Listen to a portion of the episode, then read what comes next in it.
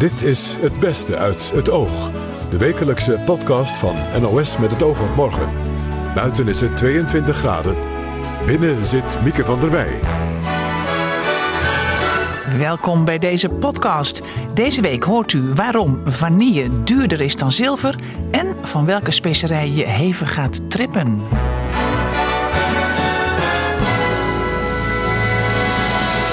Ook duiken we in de wereld van biohackers. Dat zijn mensen die experimenten op hun eigen lichaam uitvoeren omdat de wetenschap voor hen te langzaam gaat. De eerste mens die duizend jaar wordt, die is bijvoorbeeld nu al geboren. Met het boek over zijn vader, M.J. Brusse, is journalist en oud-Engeland-correspondent Peter Brusse genomineerd voor de, jawel, Brusseprijs 2018 voor het beste journalistieke boek. Volgens Peter Brusse was zijn vader met zijn literaire reportages over de zelfkant een pionier van de Nederlandse journalistiek. Er is natuurlijk veel ook over armoede en ellende geschreven, maar hij liet het helemaal ja, leven. En je ruikt het, het stinkt, het is, ja, en dat was nieuw. Daarover straks meer, want we gaan eerst naar Israël. Op 14 mei 1948, dus deze week 70 jaar geleden, werd de staat Israël opgericht. Een thuis voor de Joden, zoals het werd genoemd. Reden voor het oog om met twee jonge Joodse Nederlanders te spreken. Want hoe ervaren zij hun Joods zijn in ons land? Shaila sprak met de modern-orthodoxe Barry Vingeling en de liberaal-Joodse Annemaria van Hilst. Barry, om bij jou te beginnen. Uh, je bent 25, uh, hebben we net uh, vastgesteld. Uh, wij mochten jou pas na tien uur vanavond ophalen, want het was Shabbat. Hou jij je zo actief met je geloof bezig? ja, zeker. Ik hou me strikt aan de Shabbat en ik eet ook strikt kosher. dat neemt niet weg dat ik super orthodox ben. Ik ben gewoon modern orthodox. En uh, ik participeer gewoon in de Nederlandse samenleving zoals elke jongere dat eigenlijk doet. Ja, en, en, en wat is dan het verschil tussen super-orthodox en modern-orthodox? Uh, er zijn heel veel verschillende stromingen in het orthodoxe jodendom. Uh, maar ja, bijvoorbeeld Garedische joden die trekken zich veel meer terug in hun eigen wijken. En ja, ik, ik loop gewoon rond in de Nederlandse samenleving. Ja, dus je, je, je mengt je wel onder Zeker. Onder niet-gelovigen, zeg maar. En, en, en waar blijkt nog meer uit dat je je geloof zo um, intensief beleeft?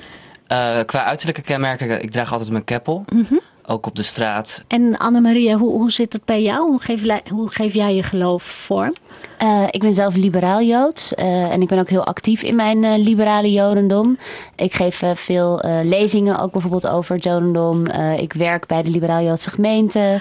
En liberaal Joods, hoe onderscheidt zich dat van um, orthodox Joods? Uh, het gaat vooral over de interpretatie van mm -hmm. uh, de wetten. Dus dat het meer gaat over de gedachten achter de wet en niet letterlijk zo letterlijk mogelijk de wet volgen. Uh, het gaat bijvoorbeeld over Shabbat. ik, ik, werk wel, of ik werk niet op Shabbat, maar ik probeer wel er een rustdag van te maken. en ik gebruik ook gewoon openbaar vervoer of elektriciteit of iets dergelijks. Zolang het maar geestelijk een rustdag is. Ja, zolang het voor jou goed voelt. Precies. Ja. En, en uiterlijke kenmerken, want uh, Barry draagt een keppeltje. Uh, heb jij iets waar je herkenbaar aan bent als je over straat loopt? ja, ik droeg vroeger een Davidster om mijn nek. Dus mm -hmm. een, een, Joodse ster om mijn nek. dat draag ik sinds nu denk anderhalf jaar niet meer. Omdat ik gewoon toch dat te onveilig vind. Maar ik draag nu een Davidster als een ring om mijn vinger. En dat, dat vind je veiliger, omdat je die een beetje uit het zicht kan houden. Ja, die zit minder, minder opvallend. Uh, en ook in situaties waarin ik dan denk van ik heb hier niet zoveel zin in, dan draai ik hem even om. Of dan, uh... en, en, je zegt onveilig. Ja. Um, ho hoezo dan? Wat, wat voor reacties riep dat dan op met zo'n David Sterloop? Ja, toch wel vaak uit, uh, dat ik vaak uitgescholden word voor nou ja, kajoot en voor allerlei andere dingen. Op echt op straat. of dat mensen op de grond spugen waar je voor loopt. Gewoon zonder enige aanleiding. Precies. Loop je gewoon en, en mensen zien dan je, je Davidster en dan krijg je dus een negatieve reactie. Uh, of zelfs uh, echt, echt dat mensen ja, bedreigend om je heen gaan staan en dergelijke. Dus dat is echt wel vervelende dingen heb ik daarmee ervaren. En voel jij dat als een inperking van je vrijheid? Want je hebt er dus eigenlijk voor gekozen om dan niet meer zichtbaar zo'n ster te dragen. Maar een beetje nou ja, op, op zo'n ring en dan kun je hem een beetje wegmoffelen. Uh, voelt dat voor jou als een, als, een, als een soort capitulatie dat je ergens aan hebt moeten toegeven? Ja, absoluut. Omdat ik wel iemand ben die ook heel erg open is over mijn jodendom in, in andere settings. En dat heel erg belangrijk vindt om, om juist die ontmoeting met verschillende geloven en verschillende de groepen mensen aan te gaan. Dus ik vind dat heel erg jammer dat ik dat niet gewoon op straat durf te, te doen. En kijk, als ik de kans heb om het gesprek aan te gaan, een dialoog aan te gaan, dan, dan durf ik dat te doen. Maar ja, op straat is het meestal eerst reageren en dan pas het gesprek aan. Dus Ja. dan, dan durf ik dat gewoon niet. En ik vind dat wel heel jammer. En, en Barry, jij draagt een keppeltje, dat is nog zichtbaarder. Klopt. Eh, krijg jij ook dit soort reacties als jij op straat loopt? Ik krijg op straat heel veel reacties, eh, van positief tot negatief. Eh, ik draag eigenlijk hem gewoon altijd zichtbaar. Ik vind het belangrijk. Ik denk dat als ik hem niet meer zichtbaar zou kunnen dragen. Eh, en ervoor kies om hem niet meer zichtbaar te dragen, dan is er echt iets mis, denk ik. Ik denk niet dat ik in, in Nederland wil wonen op het moment als ik mijn Joodse identiteit moet verbergen.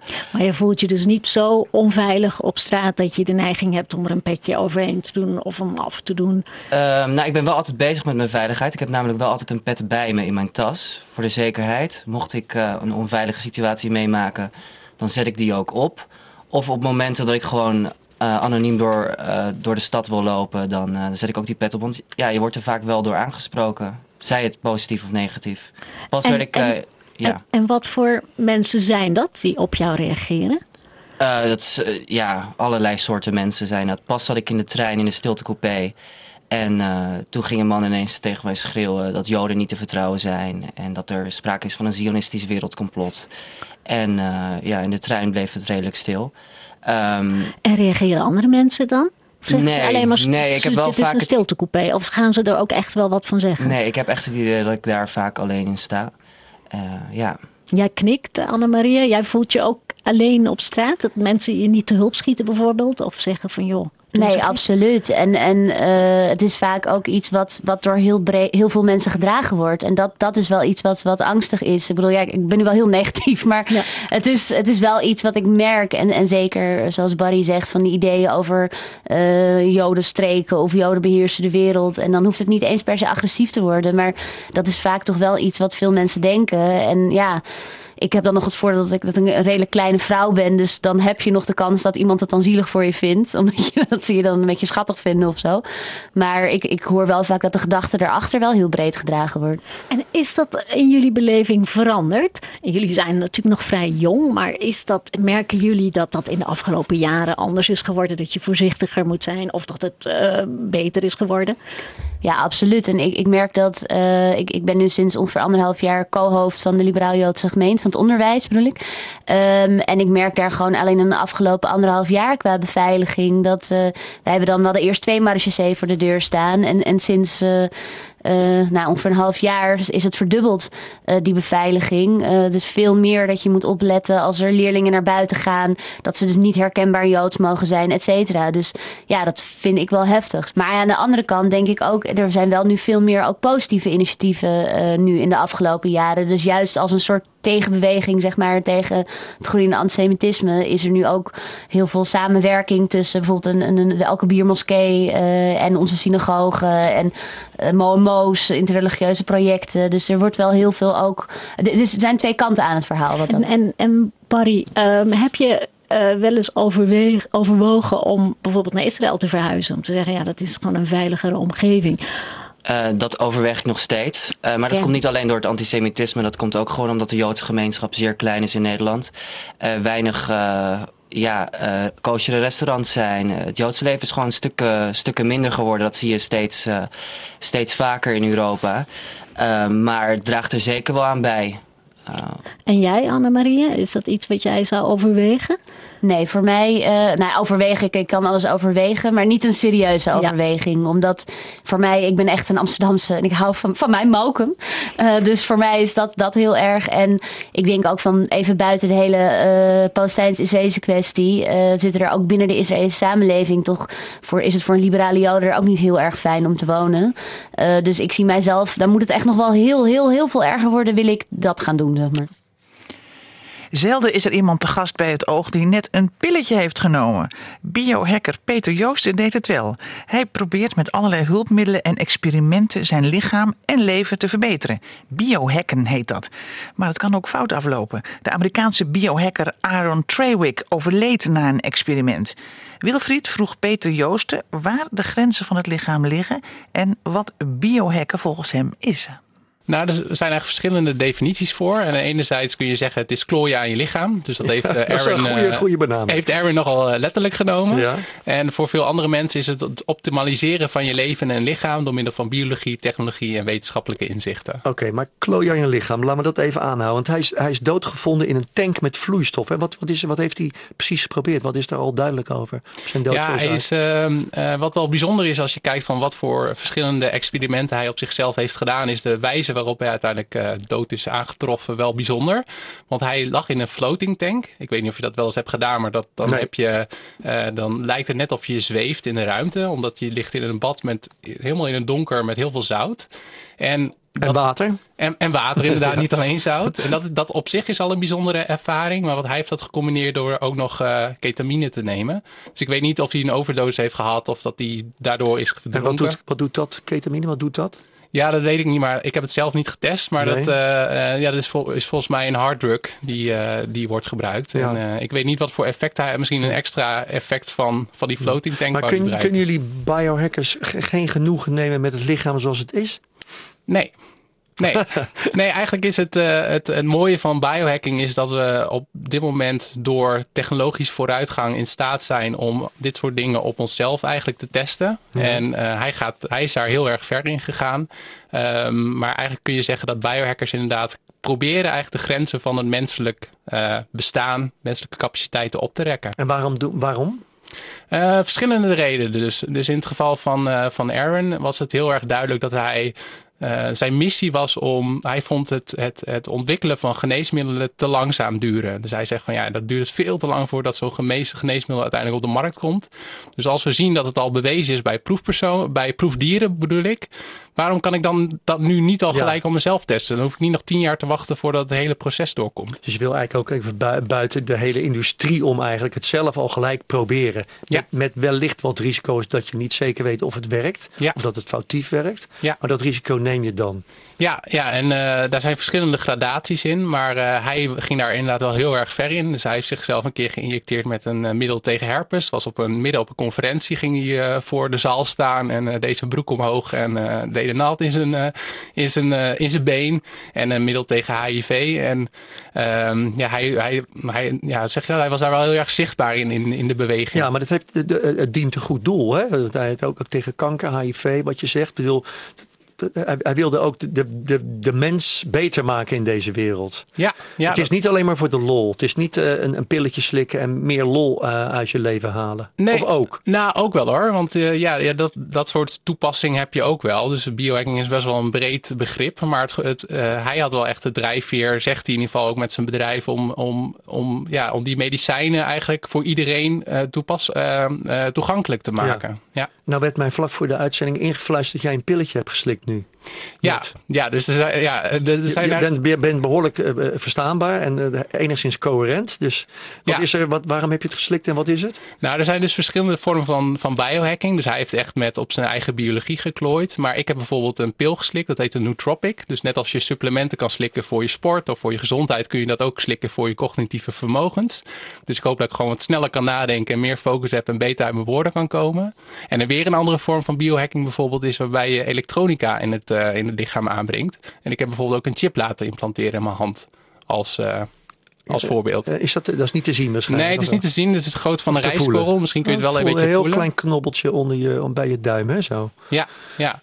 En waar is dat voor? Is dat om een deur te kunnen openen? Of, eh, Ja, ja, ik kan er inderdaad informatie. Ja, nou, ik, ik kan er inderdaad informatie op in zetten. plaats van een pasje, zeg maar. In plaats van een pasje, ja, ja. En er zijn ook voorbeelden van mensen in Nederland die bijvoorbeeld hun OV-chipkaart hebben laten implanteren in hun lichaam. Dus dan vergeet je die Ja. nooit. Dus dat is echt zo handig. Maar nou vind ik die chip in je hand, dat zie ik wel voor me. Dan kan ik mijn pasjes eh, kan ik weglaten. Dat is, dat is praktisch.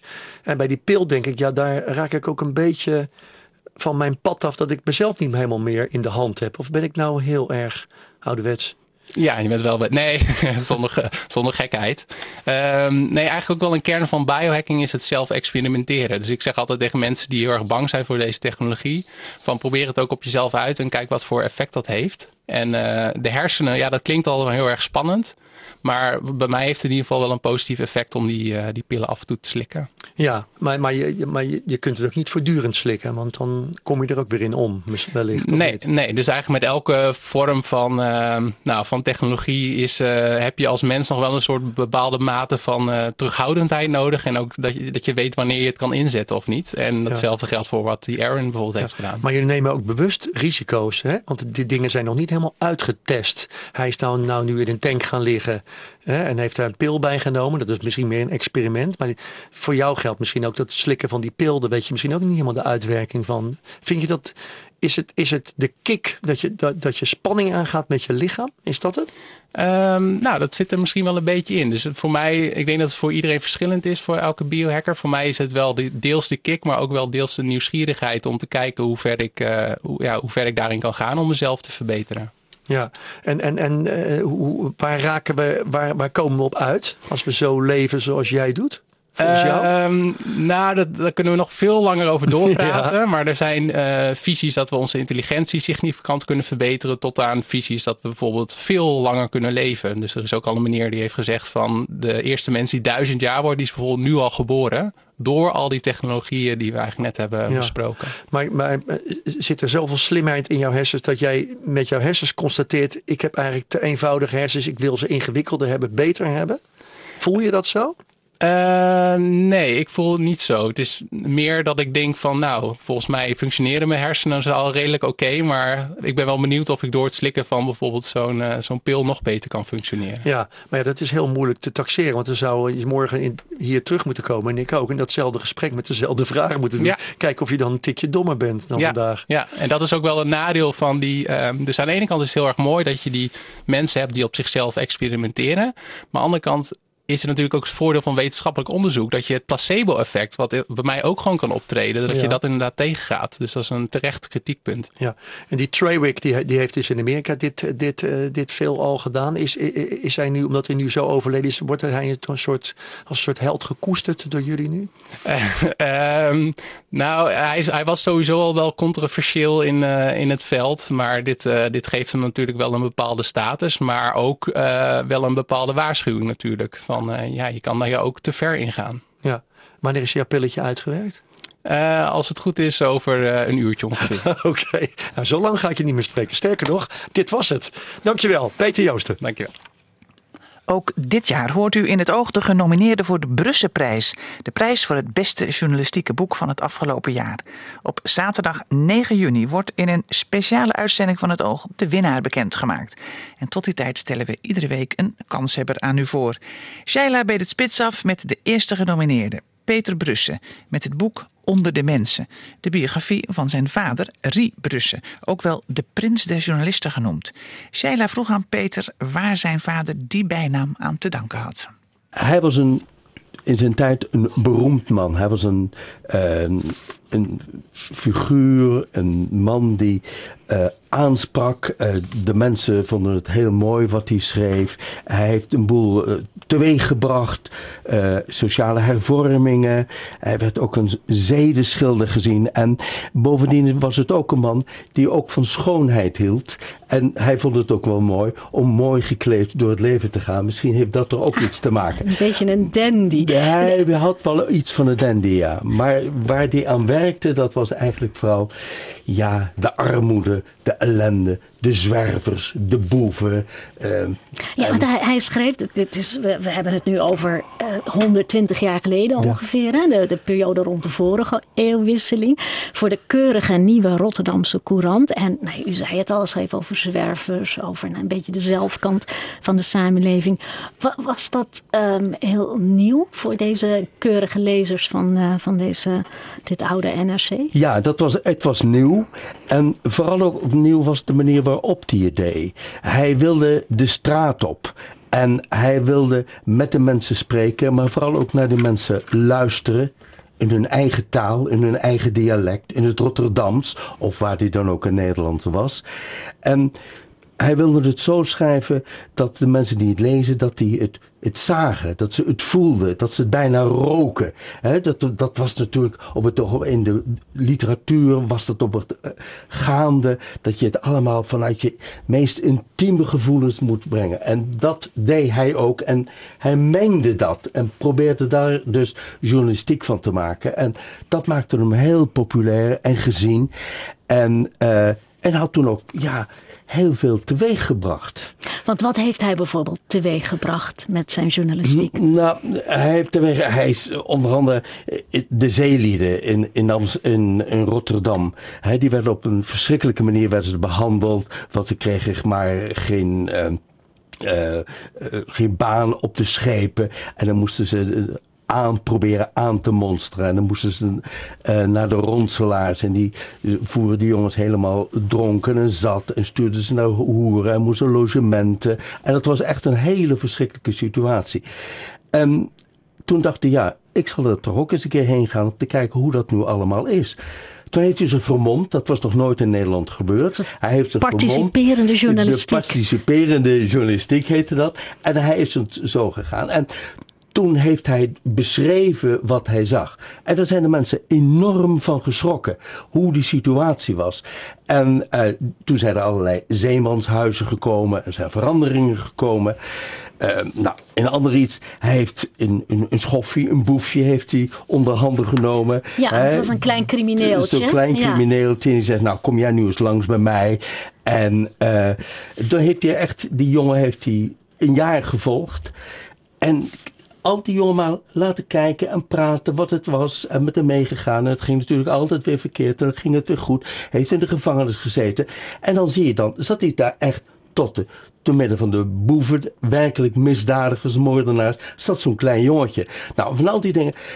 En toen zijn er ja, veranderingen gekomen. Ja, ik wil even een heel klein stukje voorlezen om, een, om, om, om de luisteraar ook een idee te geven van zijn taalgebruik en ook hoe hij uh, de, de, de zelfkant van de samenleving beschreef in de armoede. Dit is een stukje uit de Kikkersteeg in mm Rotterdam, waar hij uh, beschreef hoe hele arme gezinnen moesten wonen in een kamer van 4,5 bij 3,5 meter, waarop ze alles moesten doen. En, en dan lagen ze ook met z'n allen, met het hele gezin, in de bedstee. En dan schrijft hij bijvoorbeeld over die bedstee, daar slapen vader en moeder en de twee meisjes, de oudste tussen hen in, de jongste op moeders lichaam. Door de bedstee heen loopt de buis van de beste kamer van de buren. En nu is er al sedert maanden een gat in de buis waar de uitwerpselen van de bovenbewoners door in de bedstee lopen. De vrouw heeft er nu een emmertje onder gehangen en dat moet ze elk uur legen. Ja, dus... Wat een toestand. Het heel zakelijk eigenlijk. Het is heel zakelijk. Ja, maar, je, ziet het, je, ziet het. wel helemaal. Voor je. En je ruikt het. Het stinkt. Het is. Ja. En ja, dat kon hij. En daar. Ja, daar was hij een meester in. En dat was nieuw. Dat was nieuw. Er is natuurlijk veel ook over armoede en ellende geschreven. Maar hij liet het helemaal ja, leven. Ja, hij maakte het tastbaar. We hebben um, aan de telefoon uh, vanuit Zuid-Limburg nu schrijver en journalist Geert Mak. Goedenavond, meneer Mak. Goedenavond. Hoe, hoe raakte u bekend met de vader van Peter? Um, ik heb een keer een, een, een, een, boek gemaakt over oogtuigenverslagen met heel veel vroege journalistiek daarin. En ja, dan stuit je onvermijdelijk op M.J. Brussen uh, tussen een aantal tijdgenoten.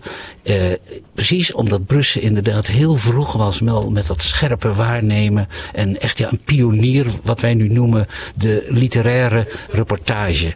Elke generatie vindt dat opnieuw uit voor zichzelf. Tegenwoordig zie je dat ook zo nu dan van die echt hele goede, ja, bijvoorbeeld Margriet Oostveen doet dat en Twan Heijmans. Eigenlijk doen ze hetzelfde als wat Brussen al deed. Maar Brussen had ook een voorloper, Emile Zola. We zijn eigenlijk allemaal kinderen van Emile Zola. Ja, hij was ook een bewonderaar van Emile Zola. Hè? Dat, staat, dat beschrijft uh, Peter Brussen ook in het boek. Dat hij hem uh, buitengewoon bewondert. Nou, meneer Mak, u was een van degenen die vond dat deze prijs, die nu wordt uitgereikt voor het beste journalistieke boek, naar M.J. Brussen uh, genoemd moest worden. waarom? Wat was uw belangrijkste argument daarvoor? Ja, omdat hij toch met, met kop en schouders echt als een echte professionele journalist dit genre begon te bedrijven. Voor zijn tijd had je bijvoorbeeld Justus van Maurik, een sigarenhandelaar, die ook al dat soort dingen deed. En bijvoorbeeld ook, heel interessant, al deze vroege journalisten legden ook de volkstaal vast. Lieten mensen in hun eigen taal spreken in dialogen. Eigenlijk nog steeds zoals wat langere reportage mensen doen. En hij was ook degene die die kranten, ja, hij was er ook echt een pionier in. De kranten hadden nog geen foto's, uh, er was natuurlijk nog helemaal geen film of wat dan ook. Dit was de manier waarop mensen echt dingen konden meemaken. En heel veel journalisten in die tijd ontwikkelden die techniek, maar Brussel was er echt de kampioen in. Dus het was zo duidelijk dat was als wat dat hij zijn, die prijs zijn naam moest krijgen. Ook omdat hij onthulde bovendien. Hij deed alles. Ja. Hij was literair, hij kon prachtig schrijven, maar hij onthulde ook. En als u nu met de ogen van nu zijn verhalen terugleest, hoe beoordeelt u ze Um, en daarmee bedoel ik, zijn ze nog te lezen nu? Hè? Het is natuurlijk heel lang geleden geschreven. Maar heeft het, is het nog fris? Is het nog modern? Is het nog iets wat je nu aan, aan mensen zou kunnen laten lezen? Ja, absoluut. Dat is het kenmerk, denk ik, van een goed ooggetuigenverslag. Want hij was er echt rauw bij. Dat ze, of ze nou 100 jaar of 200 jaar oud zijn, net als dagboekaantekeningen. Uh, omdat ze zo fris van de leven zijn opgeschreven, zit er heel weinig franje in. Bijvoorbeeld die Justus van Maurik, die schreef ze wat achteraf op en dan zit er al wat dikke taal in. Dan is er iets te veel mooi schrijverij in. En hij, Brusse, was, en ik zeg met nadruk is, heel streed. En trouwens, ik moet eerlijk zeggen, het boek van zijn zoon, waar wij nu over hebben, heeft diezelfde stijl. Dat is ook echt een hartstikke leuk boek, wat vind ik zelf hoor, elke journalist eigenlijk zou moeten lezen. Puur omdat je dan wilt weten waar we vandaan komen. Een warme aanbeveling van Geert Mak om u te verdiepen in het leven van M.J. Rie Brussen. Dan een opvallend bericht deze week. Vanille is nu duurder dan zilver. En dat terwijl vanille-ijs ongeveer de meest standaard smaak in de ijssalon is. Betekent dit dat een bolletje vanille-ijs binnenkort verleden tijd is of niet meer te betalen? Culinair journalist Joël Broekaert weet het antwoord. Heel veel vanille-ijs wordt natuurlijk gemaakt met nep vanille, met uh, vanilline, synthetische vanille, dus ook niet vreten, dat moet je niet doen. Uh, maar als je echte vanille voor je ijs gebruikt, dan wordt het opeens een stuk duurder per bolletje. En is maar te zien of de ijssalon dat met alle andere smaken op kan vangen. Ja, ja, want ik, ja, meestal als je, als je iets met banaan bestelt, dan proef je soms over stukjes banaan. Maar vanille is natuurlijk wat. Want, want wat is vanille eigenlijk? Vanille is een, het, het, het, ja, het is een peultje van een orchidee. Ja. En um, dat peultje wordt onrijp geplukt. Dat wordt vervolgens gestoomd. En dan wordt het gefermenteerd, dan wordt het gedroogd. En wat je eruit haalt, dus dat noemen ze het merg. Dat zijn eigenlijk piepkleine zaadjes. Dat zijn die kleine zwarte spikkeltjes. Als je echt goed vanille-ijs hebt, dan zie je piepkleine zwarte ja, spikkeltjes zitten. Ja. En dat is eh, wat de echte vanille smaak geeft. Als je het thuis moet koken, dan zeggen ze ook altijd: hè, snij hem overlangs door midden. En dan schraap je die, die, die zaadjes. Het is een beetje kleverig, is het. Um, schraap je eruit. Een soort merg, hè? nou ja, dat is zo wordt genoemd, vanillemerg. Ja. Hey, um, en, en, en, en waarom is het nu opeens eh, zo duur geworden? Hoe komt dat? Nou, dat is um, vanwege een uh, eerdere, wat mindere oogst in 2016 en nog een wat was een cycloon heet dat geloof ik, in 2017 eroverheen op Madagaskar, waar het grootste gedeelte van de vanille vandaan komt. Um, dus gewoon kloothoogst. Ja, ja. ja. Maar, maar Madagaskar, dat staat bij ons niet, niet een al te groot land. Is, het, is het, wordt het, het is een flink eiland hoor. Ja, maar god, als je de hele wereld neemt, zou je zeggen, waarom wordt het niet op andere plekken ook? Nou, het is, uh, dat is, maar dat, kijk, het punt is, vanille is altijd heel duur geweest. En het is zo duur ah, omdat het verschrikkelijk arbeidsintensief is om dat te oogsten. Het is oorspronkelijk een plant die uit Midden-Amerika komt, Mexico. Uh, een orchidee, die een bepaalde vorm heeft en dus alleen maar bevrucht wordt door een bepaald soort bijtje of een kolibrie. En die, die hebben een vorm waarbij ze als ze in dat bloemetje gaan, precies met dat stuifmeel op die stamper terechtkomen. En dan moet je alsnog geluk hebben dat het lukt. En zo'n bloem gaat pas, of zo'n plant gaat pas na drie jaar uh, bloemen uh, produceren die überhaupt kunnen voortplanten. Dus toen, de Spanjaarden hebben dat oorspronkelijk als eerste mee naar Europa genomen. Die Fransen die hebben dat op een gegeven moment, die hebben Réunion en uh, Mauritius en Madagaskar helemaal volgeplemd met die orchidee. Alleen dat lukte dus niet. Want die dingen werden niet bevrucht. Totdat er op een gegeven moment een, een, een voormalige slaaf in de 19e eeuw met een stokje in die bloem is gaan poeren. En toen heeft hij dus handmatig dat bloemetje bevrucht. En tot op de dag van vandaag wordt overal buiten Mexico vanille handmatig bevrucht. En, en, en, en als het om, om de bloei gaat van een bloem, dat, dat is, duurt natuurlijk ook maar kort bloei. Nog geen dag.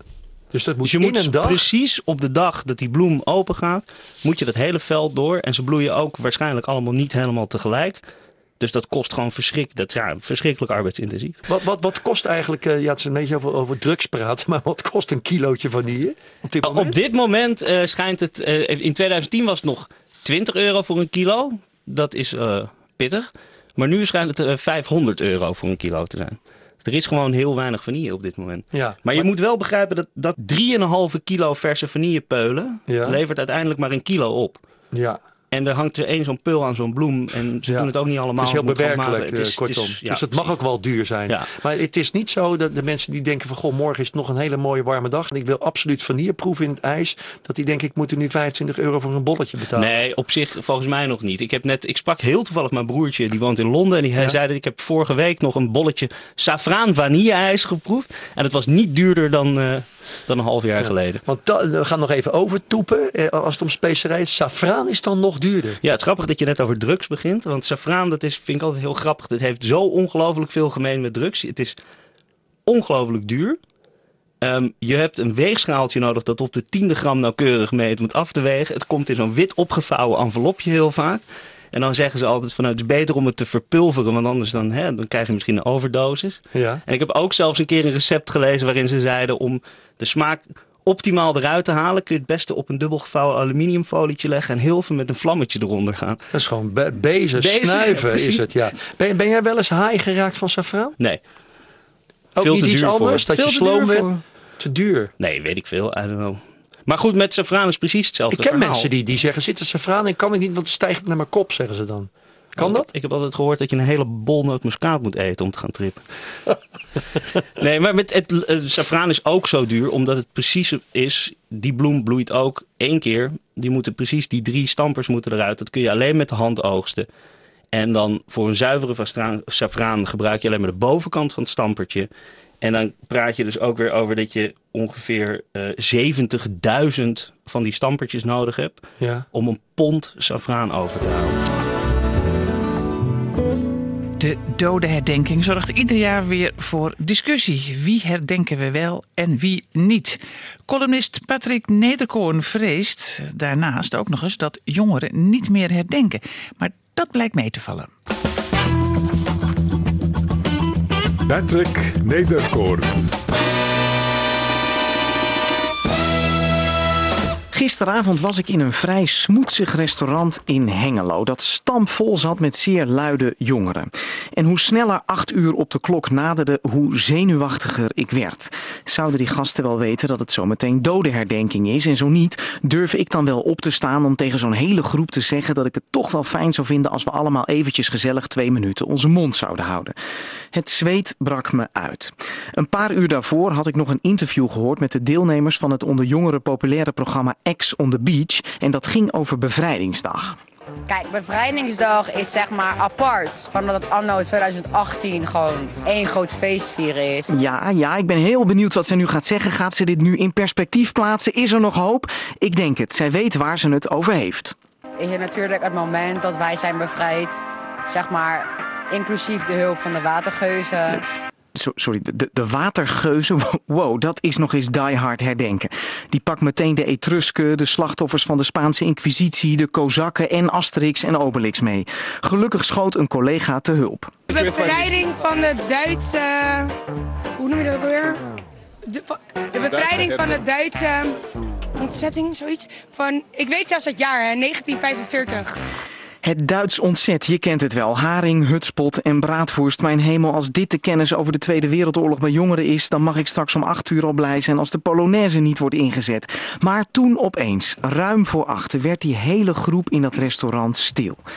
En ik wilde nog zeggen, joh, klets maar gewoon even door. Het duurt nog zeker een minuut of vijf voordat die tap toekomt. Persoonlijk vind ik twee minuten al lang om niet aan boodschappenlijstjes of werk te denken. Maar die hele groep bleef muisstil. Een dikke zes minuten lang.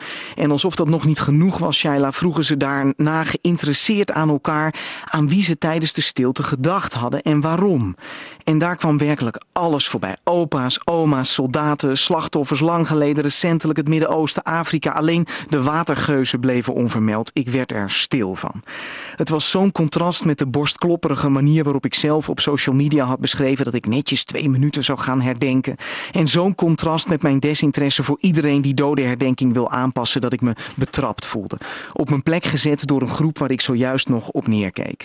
En daarom hoop ik dat de NOS volgend jaar bij de uitzending van Nationale Dodenherdenking heel even wil schakelen naar dat smoetsige restaurant in Hengelo, opdat ik niet zal vergeten.